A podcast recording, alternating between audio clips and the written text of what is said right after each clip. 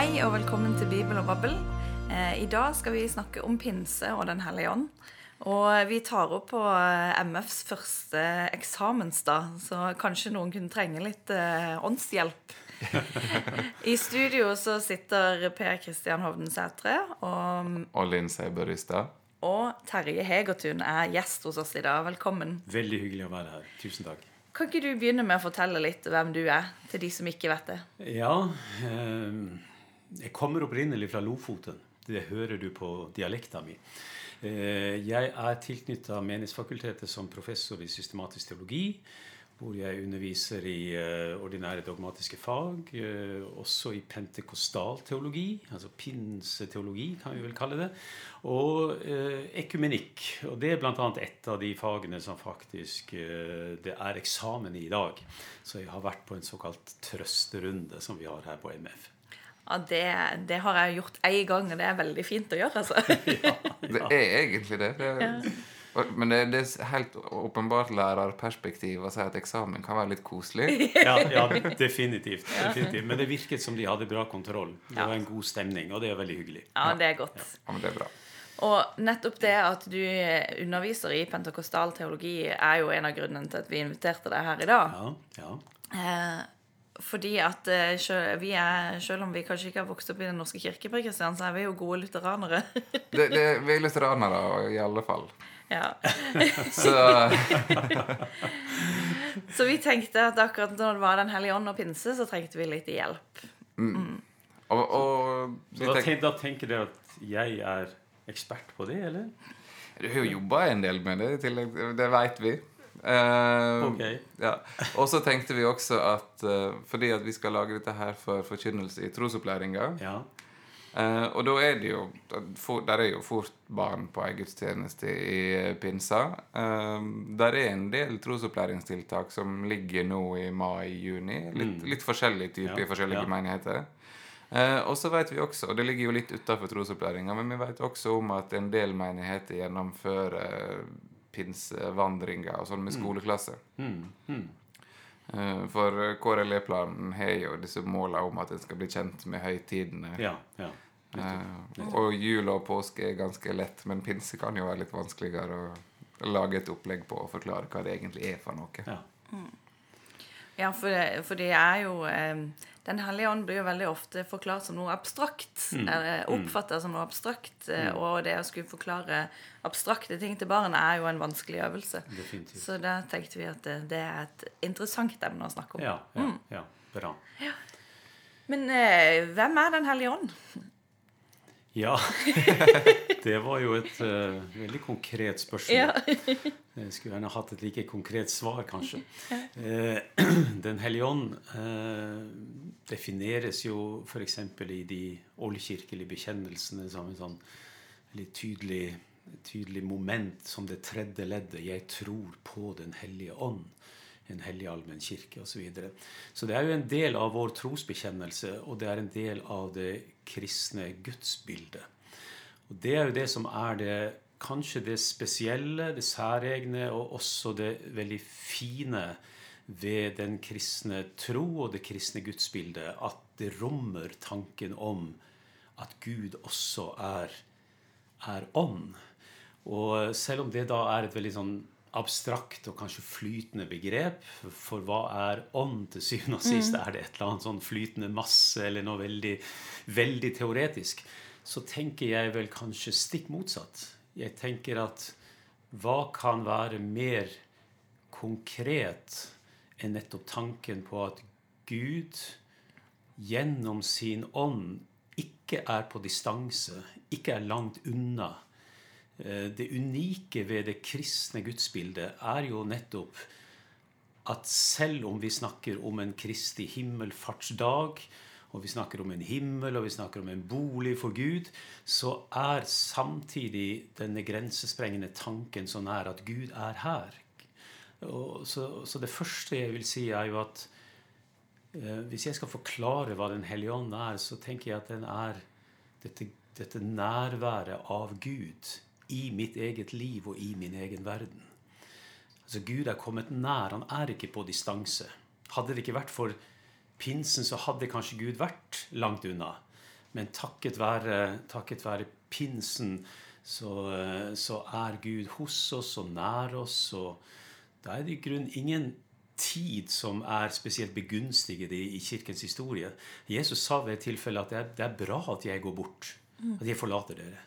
Det er jo en veld, veldig merkelig uttalelse. ikke sant? Hvis jeg som en som en pappa skulle ha sagt til mine barn eh, La oss si, Nå er jo mine barn store, men altså, da de var små og jeg gikk på, gikk barne, og de gikk i barnehage, så skulle jeg da komme til dem og si det, det er bra for dere at, at, jeg blir borte nå. Det vil være en sjokkmelding å få. ikke sant? Ja, ja, ja. Men, men, men, men hvis, hvis jeg samtidig sa at at når dere blir store, og, og, og, og, du, Andreas, blir boende her i Oslo, og du, Kristian, flytter til Grønland, og du, Nikolai, til, til, Thailand, så skal jeg være hos dere bestandig til samme tid, overalt, uansett hvor dere er. Det var noe av den tanken som Jesus prøvde å plante hos disiplene når han snakket om Den hellige ånd.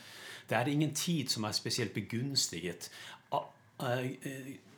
Enhver tid, enhver generasjon er Guds tid og Guds generasjon. Og fordi at Den hellige ånd er her og hos oss og nær oss. Han har ikke forlatt oss, han er hos, hos oss bestandig. Det, det, det, er jo kanskje noe av det viktigste vi kan si når vi spør om hvem Den hellige ånd er. Mm. Og da slår det meg når du sier det at, at vel, For vi, vi fleiper jo litt med at lutheranere er ikke så gode på å mm. snakke om Den hellige ånd. Eh, men at mange av de tingene du nå snakker om, om Guds nærhet og fellesskap med Gud, og sånn, det er jo tema som både gode lutherske og som dukker opp i trosopplæringa veldig ofte. Ja, ja. I arbeid med barn og unge. Men, men, at det blir ikke, det blir ikke knytta til Den hellige ånd eksplisitt når den sier det. Nei, og hvorfor er det sånn? Altså, Er det noe med våre forestillinger om Den hellige ånd, og kanskje pinsevenner og tungetale og litt sånn der ekstraordinære eh, manifestasjoner og slike ting. Det, det er litt synd hvis uh, tekstene omkring Den hellige ånd skal, skal, bli litt sånne rare tekster og rare forklaringer. og Pinseteksten i Bibelen skal være sånn vriende prekentekster i Den norske kirke. Det kan hende det var sånn, men jeg tror faktisk at det ikke er sånn i like sterk grad i dag. Jeg tror vi begynner etter hvert å få et slags sånn felles språk, forståelse av Den, av den hellige ånd.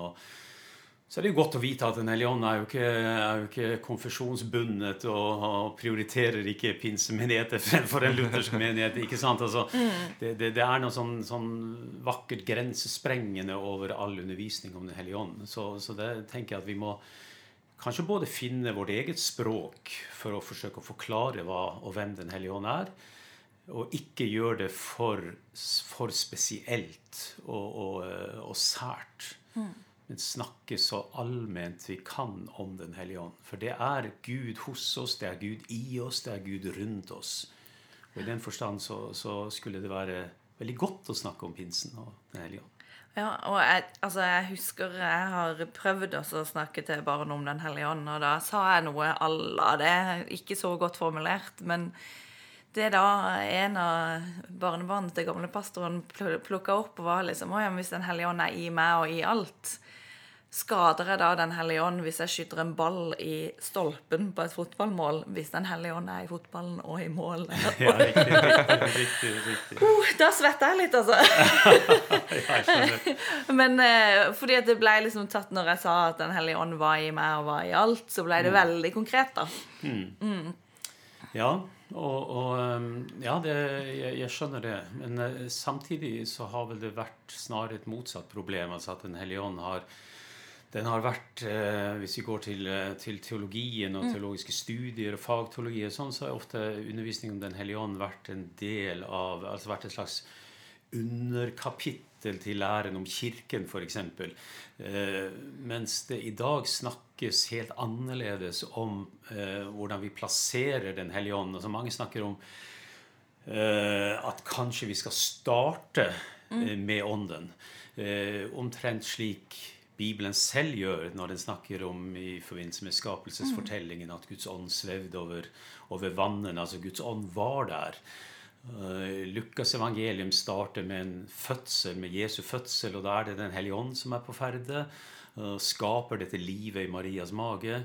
Går du til apostlenes gjerninger, så starter det også med en fødsel av Den hellige ånd, nemlig kirkens fødsel. Så det er et eller annet med at Den hellige ånd liksom både er i forkant, er den som skaper liv, både i natur, i skapelse og i kirken. Og så, og så, er det Den hellige ånd som utruster meg, holder troen min varm osv. Slik at vi omsluttes på mange måter av læren om Ånden, men vi har ikke alltid like klart definert det. Mm. Det er veldig interessant. Mm. Ja. Mm. Eh, ja, og, og, der er du inne på en, et sånn Når en skal prøve å konkretisere hva pinse er for noe til barn, sånn, så er det mange som tyr til denne her metaforen at eh, pinse det er kirka sin fødselsdag. Mm. Eh, hva tenker du om en sånn måte å snakke på? Jo, jeg syns jo for så vidt det har mye for seg, eh, fordi man da knytter iallfall starten av den verdensvide kirke til denne veldig bestemte og litt særegne hendelsen som omtales i begynnelsen av apostelens gjerninger. Eh, men, eh, så, det, så det er greit nok så lenge det holder. Men, men når vi snakker om at det er, det er liksom fødselen av Kirken, så kan det fort bli noe sånn historisk over det at ja, ok, det var sånn Kirken ble til. men Eh, etter det så har vi liksom ikke i samme grad bruk for Den hellige ånd. Så, så, jeg har vært eh, opptatt, både i det jeg har skrevet av, av bøker og i, i, undervisning, opptatt av at eh, ja, Den hellige ånd var viktig da Kirken ble til. Men Den hellige ånd har også vært der før Kirken kom til. Og den har eh, vært der hele tiden. Men vi har hatt litt ulik tilnærming til det, litt ulikt språk om det. Eh, min favoritt betegnelse på Kirken, det er jo at den er både karismatisk, i den forstand at mm. åndens gaver er midt i kirken, men den er også sakramental. Eh, du vet, Vi snakker ofte om kirkene som enten de sakramentale kirkene. Da tenker vi på de klassiske kirkene, den katolske, ortodokse, anglikanske, lutherske. Og så har vi liksom pinsekirkene og frikirkene, og de er de karismatiske. Og så, og så, og så lager vi den, dette, dette skillet. Men jeg tenker at vi må snakke om Kirken som, som har to solide bein å stå på. og det er at den både er sakramental og karismatisk. Og det, er, det understreker åndens liksom, to, to, hovedgjerninger. At den virker gjennom sakramenter, gjennom det vi tilbys. Hvor evangeliet blir veldig sentralt, og er kjernen i evangeliet. Men samtidig er det noe ved det subjektive, det personlige, det litt sånn umiddelbare. Det at vi kan faktisk erfare ånden som et bestemt nærvær, som en slags sånn pust, som en atmosfære, som et eller annet som er der, som gjør Kirken unik. Den er ikke bare stedet hvor vi eh, hygger oss med kirkekaffe, men, men vi tilbys noe veldig konkret. Og dette nærværet tror jeg er på mange måter et nøkkelord når vi skal forsøke å forklare Den hellige ånd. Og det akkurat det nærværet eller den berøringa, den følelsen av noe spesielt, det er jo ofte det man prøver på i forkynnelsen. Mm. Å få til at uh, få til et eller annet der det skjer et møte der det skjer noe spesielt da, mm. mellom tekst og ord og livet til lyttere osv. Ja. At, det, at det, i dette møtet så skal det oppstå noe. Eh, og særlig en homiletiker som har skrevet om prekenen som det tredje rom, kaller hun det. Mm. Hun er opptatt av at eh, ja, prekenen oppstår der eh, predikantens ord og lytterens liv og ånden virker sammen i dette tredje rommet der og skaper mening der. Ja, dette er jo veldig i tråd f.eks. også med hva Luther sier om at prekenen er liksom det, det performative. Altså mm. det, det, er noe som skapes der og da. Det er en hendelse. Ja. Eh, det, det, er det mange andre predikanter også senere som har understreket, og homoletikere. Og for når, når Paulus omtaler eh, noen av åndens gaver, f.eks. visdommens gave og kunnskapstale ved ånden, så tenker jeg at mye av den gode prekenen er faktisk et uttrykk for at den gaven er i funksjon. Mm. Men vi tenker kanskje ikke på det. Vi, både pinsevenner og kanskje også mange andre har ofte tenkt på nådegaver som veldig, uh, veldig spesielle ting. Altså som trengs en tydning, altså et eller annet profeti eller tungetale eller noe sånt. Men det, det, jeg tenker at, at de gavene som handler om det å så å si male evangeliet synlig og tydelig for en forsamling, da er åndens gaver i funksjon, tenker jeg. Uten at man kanskje tenker på det. Mm. Så på en måte så blir det, så det handler, Når du snakker nå, så blir det mye sånn va, altså Det vil si er vanlige erfaringer, men du tolker dem inn i denne teologiske sammenhengen. Eh, hvordan blir det hvis en skal snakke til unger?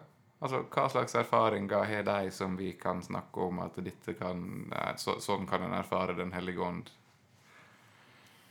Jeg syns jo at øh, det kanskje er Johannesevangeliet hvis vi skal bruke en, en, hvis vi skal forankre denne refleksjonen til noe mm, konkret, til noen skriftsteder og sånn, så vi har jo vi har en omtale av ånden i eh, f.eks. I, i, i, det lukanske materialet, altså i apostelens gjerninger og sånn, men det er mer dette punktuelle, dette, dette voldsomme været, pinsedag som mm. kom med, med, som en vind og en storm. ikke sant? Mens derimot Johannes snakker mye mer forståelig på et vis om Den hellige ånd. Snakker om at den, eh, det, er en, det er en dyp følelse av, av, av, kjærlighet. Av at jeg ikke er blitt etterlatt farløs, men at Gud har kommet til meg. At jeg er ikke alene her i verden. Eh, jeg har en omsorgsfull far som eh, er hos meg, som passer på meg, som kjenner meg osv. Og langs de linjene så, så syns jeg det er enklere å forsøke å forklare hva Den, hva den, hva den hellige ånd er. Uh, og da tror jeg at altså Mitt råd er at, at, uh, at, når man skal snakke til barn, så leser man gjennom, særlig mot slutten av Johannes evangeliet, når, når, når Jesus sier, snakker om f.eks. Den hellige ånd som, som en advokat. Altså når jeg ikke lenger har så mye å si til mitt forsvar, når jeg kjenner at jeg ikke har ord for å sette, sette på troen, så, så, kan faktisk jeg forventer og tenke at jeg får hjelp fra Gud gjennom Den hellige ånd til å, til å si litt og til å liksom bli trygg på at jeg er, en, jeg er et Guds barn, jeg er i Guds fang. Eh, så, så, Johannes bruker en del ord og formuleringer som jeg syns er, er, eh, er, fine å anvende. Men det er klart det er, det er krevende å snakke til barn om Den, den hellige ånd, så kanskje vi da skulle bruke andre, andre ord, andre metaforer. Eh, det, det, det må vi kanskje gjøre. Ja, og så samtidig så tror jeg at eh, noen ganger at voksne som skal snakke til barn om Den hellige ånd, syns det er mer krevende og vanskeligere å forklare det fordi vi tenker at vi må forklare det for disse barna. Mm, mm. Mens barna kanskje har eh, eh uten å bli helt sånn idylliserende over barns eh, kapasitet, men at eh, det fins forskning som tyder på at barn har mindre problemer med sånne ting som voksne oppfatter som logiske motsetninger. Mm. Altså, ja ja, men eh, at Gud er tre, er liksom Ja ja, selvfølgelig. Hvorfor ikke? Mm. Eh, og at ting er et mysterium, ja, det er fint. Det kan godt være et mysterium. Mm. mm. Ja. Og så tenker jeg at altså, det er interessant at du trekker fram disse tekstene i Johannes 13, 14, 15, 16 og 17. Eh, fordi at altså, tekstboka til Den norske kirke kverner jo rundt de tekstene hele påsketida fram mot pinse, og så dukker det opp også på pinsedag. Sånn som i år når preiketekster på pinsedag er fra er Johannes 14 med 'Den som elsker meg, holder fast på ordet mitt'. Ja, ja.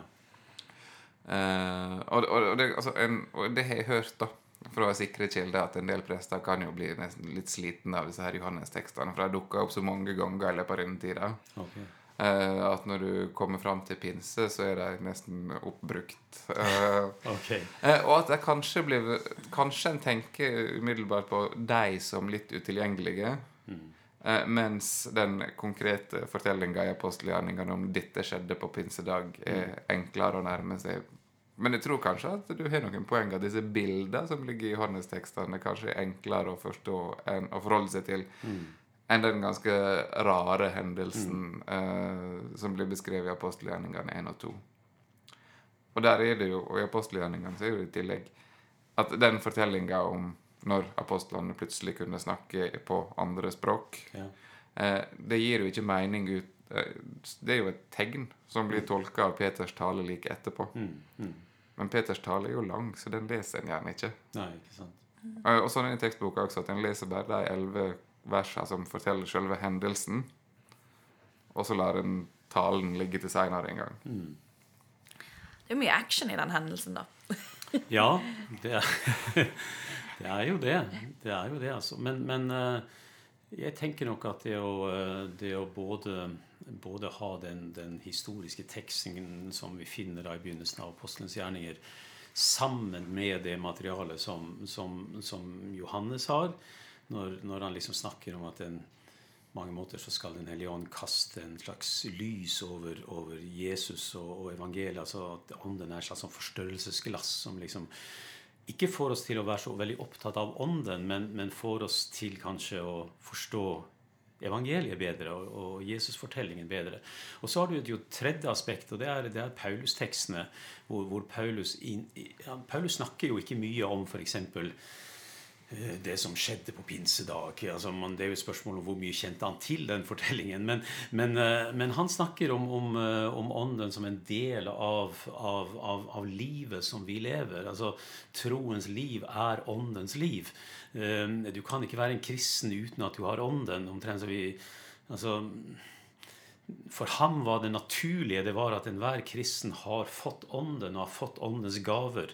Øh, åndens frukter. Det, det, det var liksom selve definisjonen på det å være en kristen. Mens kanskje man i, eh, i en kirkehistorisk sammenheng ofte har tenkt at, at ja, ånden, åndens gaver er liksom særlig knytta til et bestemt kirkesamfunn osv. Så, så så snakker Paulus så, så nokså ordinært om at det er den som har ånden, som har livet i Gud. Så Du kan liksom ikke være en kristen uten at du har ånden, og du kan ikke ha ånden uten å være kristen. Altså det er et eller annet med Men han, han bruker likevel ikke ordet en åndsfylt kristen, eh, i motsetning til en åndsfattig kristen, eller noe sånt. Men eh, omtrent som like unaturlig for oss som å si at eh, norsk nordmann. Liksom. Det, altså det, det, å, å, det å ha ånden var et uttrykk for at ja, nå er jeg en kristen, jeg har fått ånden. Det er selve kardinaluttrykket for at, at jeg har troen. Det er at jeg har ånden. Så ånden sammen med det kristne livet var, var for Paulus på mange måter en og samme ting. Eh, mens eh, som sagt, vi, vi har kanskje ja, differensiert eh, kristne i sånn A-kristne og B-kristne. Vi, vi ønsker jo ikke å gjøre det, men det kan fort bli sånn. Og kanskje det miljøet som jeg kommer ifra, pinse, pinsevenner, kan ha tendert til liksom å favorisere en spesiell opplevelse, en spesiell metode og en spesiell måte å være kristen på. Som vi i dag nok er mye mer forsiktig med, fordi vi ser at, at eh, vi kan ikke sette sånne stramme rammer og grenser for hvem som har ånden og ikke. Den, den, den gis til alle. Det gis til alle som tror. For det er jo noe med dette antidiskriminerende ved ånden, da, som er også ganske Jeg tenker er fri, frigjøringsteologi på sitt beste, egentlig. Altså, Ja. At det kommer til kvinner og menn og slaver og herrer Definitivt. og Definitivt. Ja. Jeg tenker nøyaktig sånn at det er, det er noe så vakkert ved undervisningen om ånden. Spesielt når, når, Peter, du nevnte Peters tale på pinsedag, når han trekker fram profeten Joel som en sånn Dette som nå skjer på pinsedag, det er, det er oppfyllelsen av profeten Joel. Og profeten Joel sier jo at en dag skal det skje at jeg vil gi min ånd til alle mennesker. Og, og merk deg det lille ordet 'alle'. Det er veldig grensesprengende, det er veldig demokratisk. Det er, det er, det, det, er en trussel på et vis mot eh, de kirkelige hierarkiene. altså eh, på pinsedag så, så, så, ble, så ble det kirkelige hierarkiet på et vis brutt ved at uh, løftet om ånden kom til absolutt alle. Til, til små og store, kvinner og barn. Altså Ved tanke på de, de, eh, de skillene som har vært opp gjennom historien, eh, og hvor vi har delt menneskeheten inn i verdifulle og mindre verdifulle og viktige og mindre viktige, så, så kommer liksom undervisningen om pinsen og sier at Gud sprenger alle disse grensene og sier at alle er like verdifulle. Så jeg er helt enig i at det er noe, det er noe frigjørende ved det. Og det er jo en veldig sånn vakker historie også knyttet til den moderne framveksten av den moderne pinsebevegelse i, i, for vel 100 år siden, altså rundt 1906 så var det en spesiell vekkelse i et nedlagt uh, gammelt kirkebygg i Asusa Street. Det er en gate i Los Angeles like ved foten av, av, av Beverly Hills. Uh, og denne vekkelsen er liksom ofte av historikerne betegnet som, som, uh, som starten på, på, den moderne pinsebevegelse.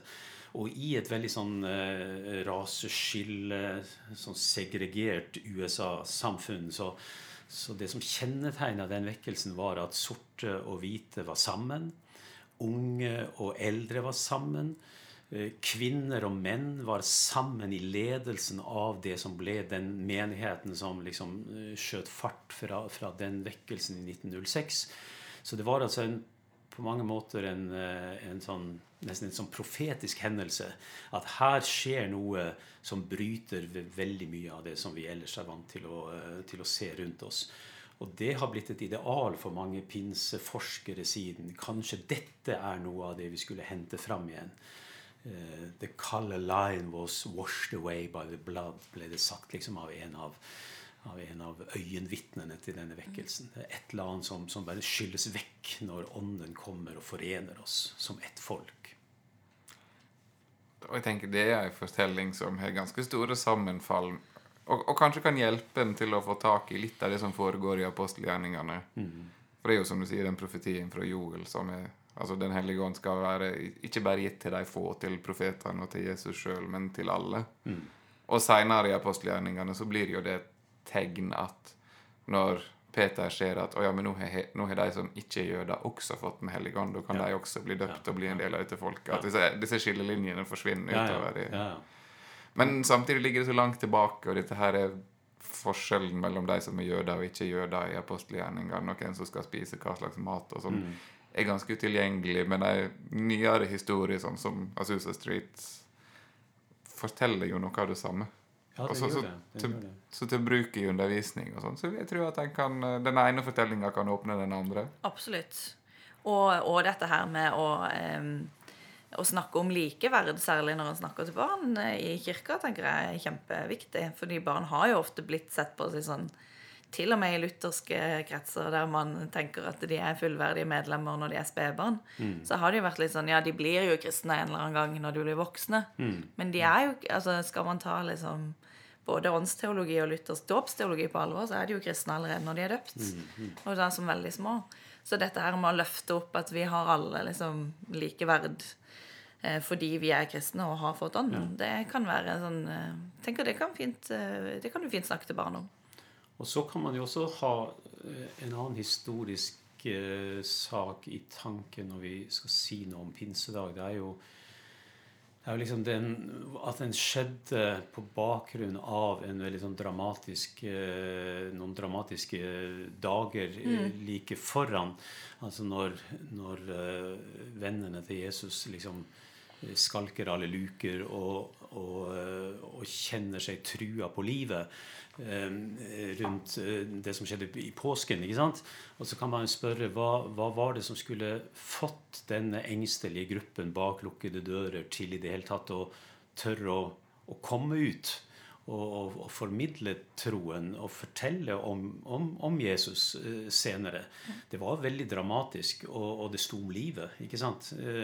og, og da, da, tenker jeg at, at pinsen viser litt av sin kraft og sin betydning og sin verdi ved at noen nokså engstelige disipler får altså en, en, en, eller annen form for underlig utrustning som gjør at de, eh, de går fra å, være, fra å være, livredde til å, til å, bli på et vis seierherrer. Altså de, de, de våger å, å, å face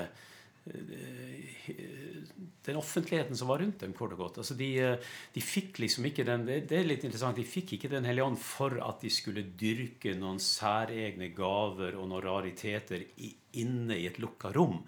Men den dagen, pins, altså på pinsedag, så, så, ble på mange måter kirkedørene sprengt ut. Og, og, og de befant seg i, i, i et åpent rom hvor de med en gang fikk noen spørsmål. Hva, hva er det som her har skjedd?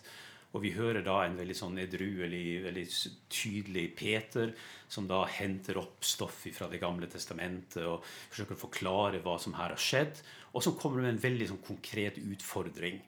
At dette kan alle erfare hvis dere vender om og, og tror på Jesus og lar dere døpe til syndenes forlatelse, så, så, er dette løftet noe som gjelder alle sammen. Altså Han setter det inn i en, inn i en kontekst. Han, han, han, er i stand til å forklare hva som skjer.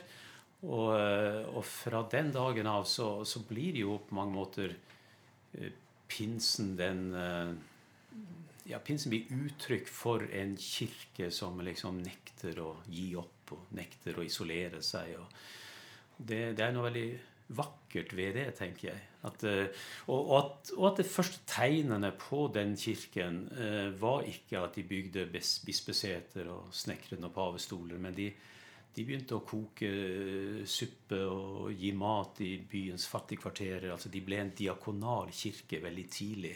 Så de omsatte liksom denne kraften til, til, nå, nå, nå, til kirkens hender og føtter, og, og så plutselig nøden rundt seg.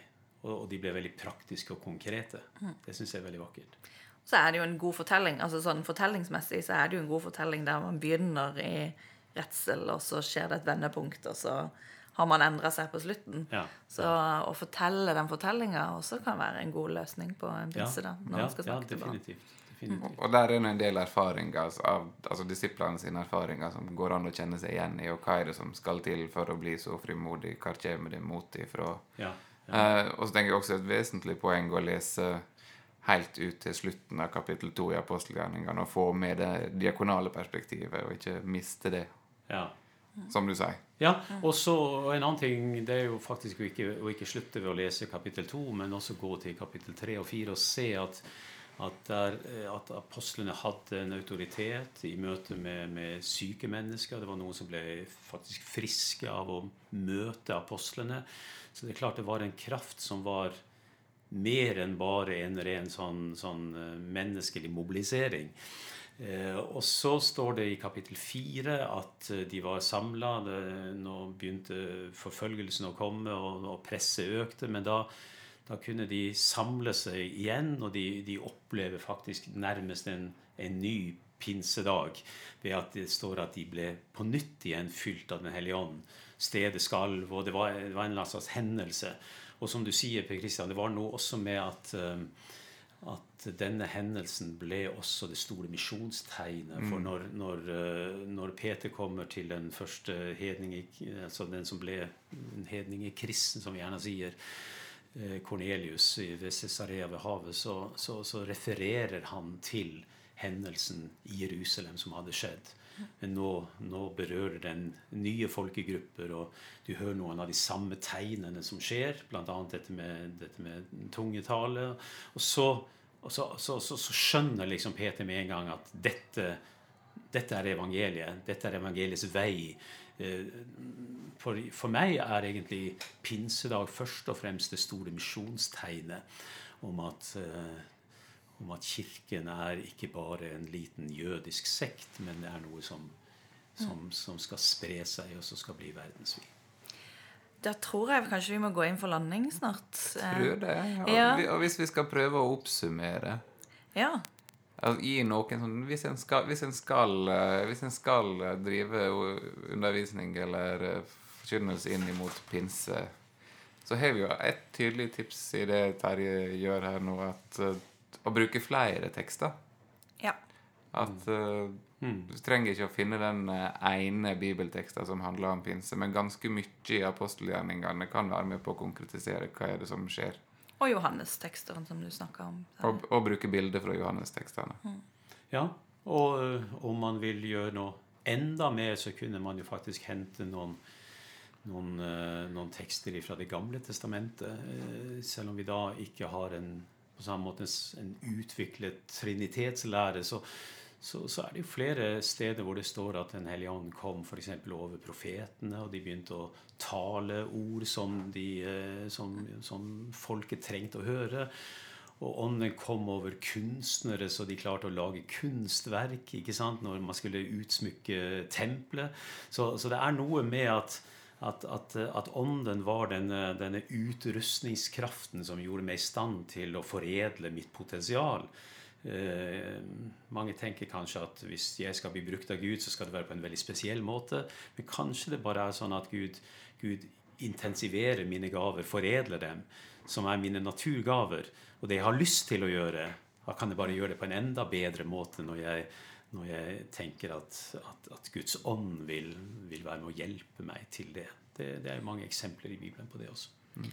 Så eh, bruke flere tekster, og ikke tenke om eh, ånden og pinsa som det ene punktuelle. Det tenker jeg er en, sånn, et, en, en veldig god innsikt du har kommet med inn i samtalen her. Og også det at fortellingene i seg sjøl har ganske mye sprengkraft. Ja. Eh, og dette tidløse, da. At ånden er i Gammeltestamentet og i Nytestamentet ja. og også i kirkehistoria. Også, og ikke nødvendigvis bare i et kirkesamfunn. Ja, og at Gud ikke er langt borte fra meg, men Gud er Gud er, er, er, nærvær. Gud er hos meg og i meg og rundt meg. Det, det tenker jeg er, er, veldig viktig for oss å si, få, få, en hvilepuls i, i, troen vår og tenke at uh, Vi har jo ikke sant, Man har, uh, man har uh, andre religioner som kanskje understreker nettopp distansen og avstanden. Mens, mens, her kommer Gud til meg, istedenfor at jeg skal forsøke å, å klatre opp til Gud. Jeg tror vi stopper der. Det var fint sted å lande. Takk skal du ha, Terje. Takk, Tusen takk. takk.